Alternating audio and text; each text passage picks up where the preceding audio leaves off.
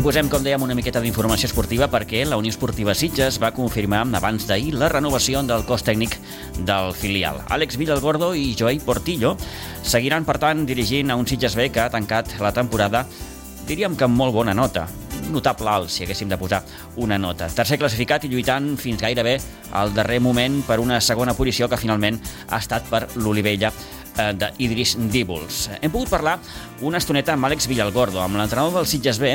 Hem fet bàsicament balanç eh, que ha estat, del que ha estat bàsicament també la seva primera experiència com a primer entrenador. Àlex Villa, satisfet, com no podia ser d'una altra manera, de la seva continuïtat a la banqueta d'Aigua Dols. Sí, sí, molt contents al final era, era una experiència nova per nosaltres, era una situació nova i, i també volíem saber com, com ens sentiríem, com l'afrontaríem i bé, nosaltres estem molt contents, el club eh, ens facilita molt la feina, eh, els jugadors també són, són un grup magnífic, sempre ho he dit, i bé, sembla que sí que per part seva també hi ha, hi ha aquesta connexió, aquesta, aquestes ganes de continuar, així que tots contents. Eh, és un premi a la bona temporada, creus? Bueno, imagino que sí, al final el futbol són resultats i si els resultats fossin dolents suposo que, que no es faria aquesta renovació. Uh -huh. Però bé, al final jo crec que, que no només són resultats, sinó també és tota la feina que hi ha al darrere, eh, de, de formació dels jugadors aquests que tenen que, que tenir després un posterior pas al, al primer equip, que aquest és el principal objectiu que tenim. Uh -huh. I, i bé, eh, jo crec que sí que s'està fent bé. Eh, tot i que tinc aquella certa sensació que, que era una voluntat mútua, no? És a dir, per part del club i per part vostra de seguir eh, doncs, eh, en el mateix camí.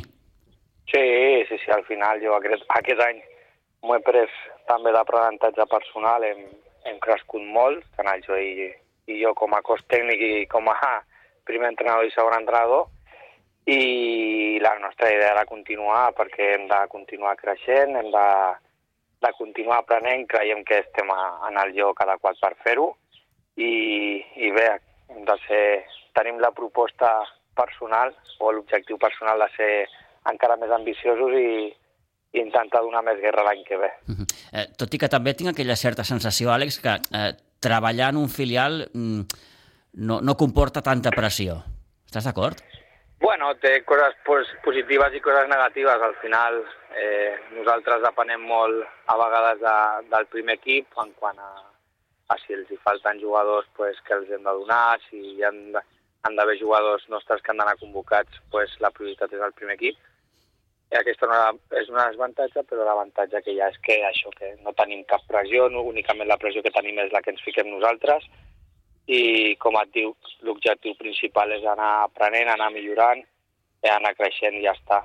I sobre aquestes bases assentem eh, els objectius de la temporada i després sí que és veritat que esportivament nosaltres ens, ens exigim molt i, i volem ser els primers que, que volem guanyar eh, la Lliga, que volem quedar el més alt possible i, i en aquest camí. Uh -huh. eh, pot ser que t'hagi quedat, en certa manera, també un, un cert regús per no haver pogut aconseguir aquesta, aquesta segona plaça?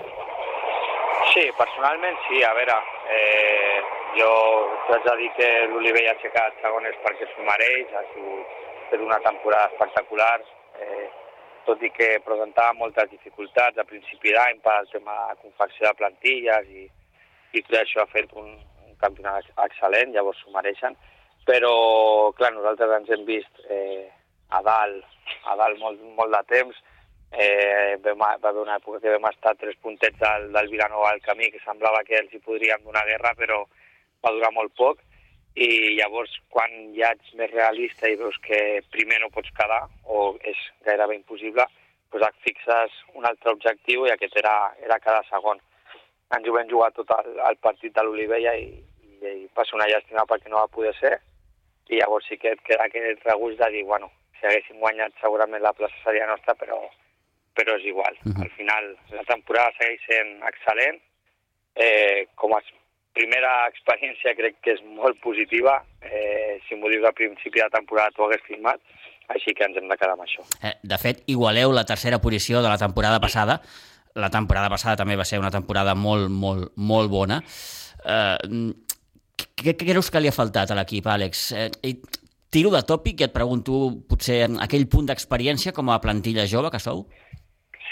Sí, a veure, eh, per ser una plantilla jove jo crec que normalment a les plantilles joves els hi falta experiència i personalitat. Ja. En aquest cas, eh, de personalitat no els hi puc retreure res als jugadors perquè crec que han demostrat eh, tenir una personalitat espectacular per plantejar les idees que teníem, per as assumir riscos, per dur a terme un joc que a vegades pues, pot eh, comportar problemes al darrere i, i en aquest sentit estic molt content.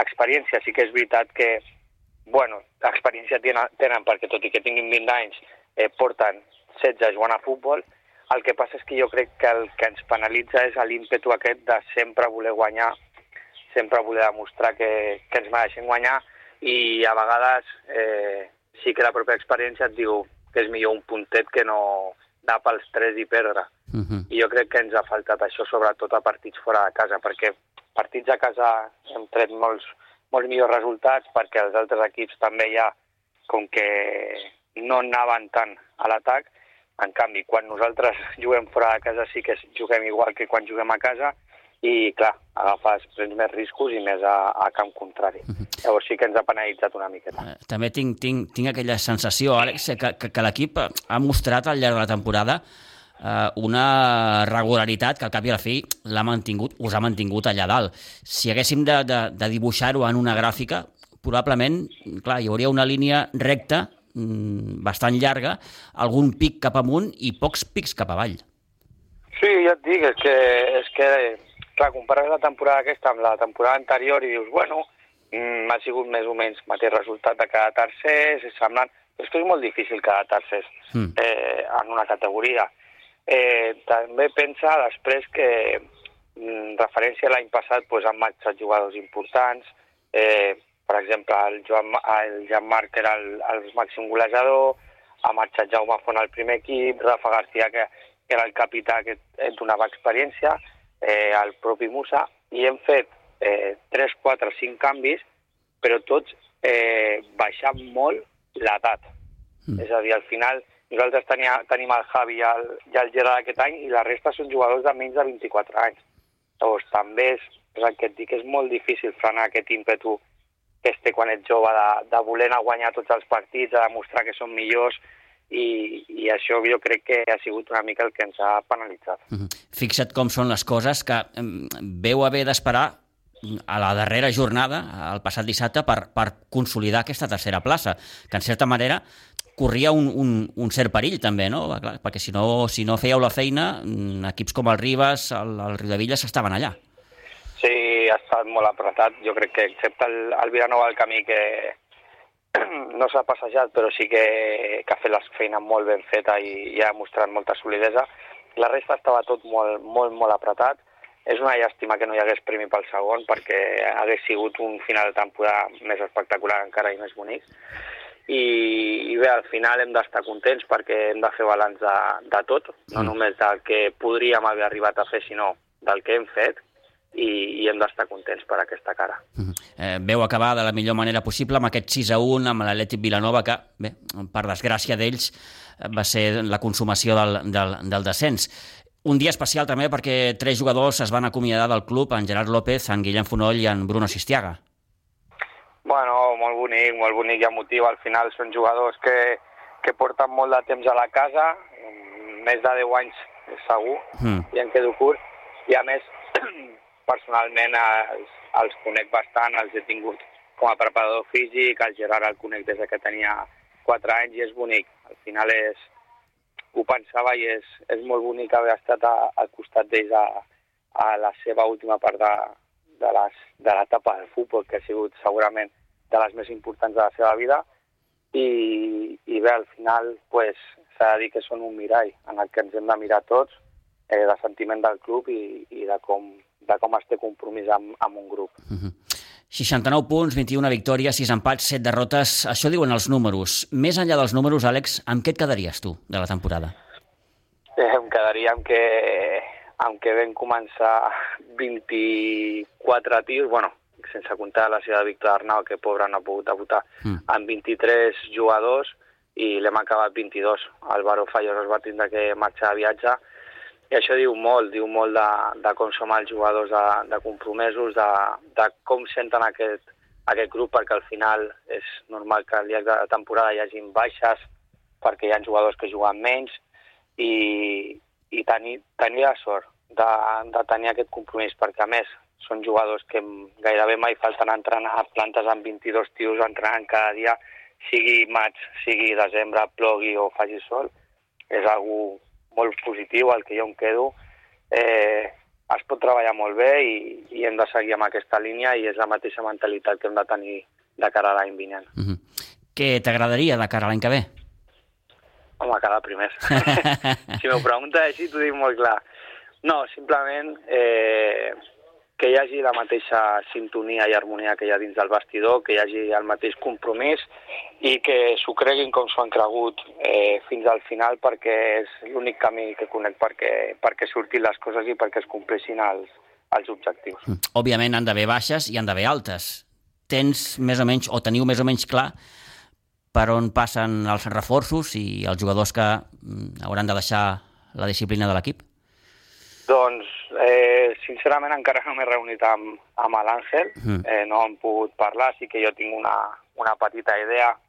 Eh, per sort o per desgràcia hi ha un, una sèrie de jugadors que ja ens han comunicat que per motius que siguin no, no poden seguir a l'equip i a partir d'aquí, del que ens falti, del que creiem que ens, ens hem de reforçar, pues, buscarem unes coses unes altres, però bé, amb, amb calma i paciència i intentar fer les coses bé, i intentar buscar sobretot bones persones i que, i que vulguin aprendre i, i formar part d'aquest grup. I no serà, per tant, un equip massa diferent al que hem vist aquest any? No, no, jo crec que, que no tindria lògica. Mm. Eh, al final nosaltres tenim un, uns projectes a llarg termini que són, ja et dic, la formació de, de jugadors que puguin jugar en uns anys al primer equip i no seria lògic eh, renovar la plantilla al 90% cada any. Uh -huh. Llavors és un procés llarg, és un procés que requereix pues, pues, de temps, perquè al final són jugadors joves, i, i jo crec que la línia ha de ser pues, continuar pues, amb, el, amb el bloc que s'ha tingut aquest any. Perfecte. Doncs Àlex, agraïts d'haver pogut fer balanç eh, durant aquests minuts. Eh, enhorabona per aquesta, diria que més que notable temporada, i, i bé, a seguir perquè això és curt. Tenim l'estiu, uh, a l'agost sí, tornarem a començar. Uh, són dies aquests per, per desconnectar o com, com, com et prens l'estiu, Àlex? Sí, són, són moments de, de carregar piles. Eh, treballat molt, ha sigut eh, bastant dur. Al final tots tenim altres feines, tenim família i bueno, és, comença a ser difícil ja que ve el calor, però bueno, eh, tranquil, jo jo estic molt, molt agraït amb tothom, a tu també t'haig d'agrair tot el seguiment que ens fas, tota la veu que ens dones, que és, és molt important, i, com dic, a carregar piles i la temporada que ve més i millor. Perfecte, senyor, doncs agraït i, i bon estiu, bones vacances. Igualment, ens veiem.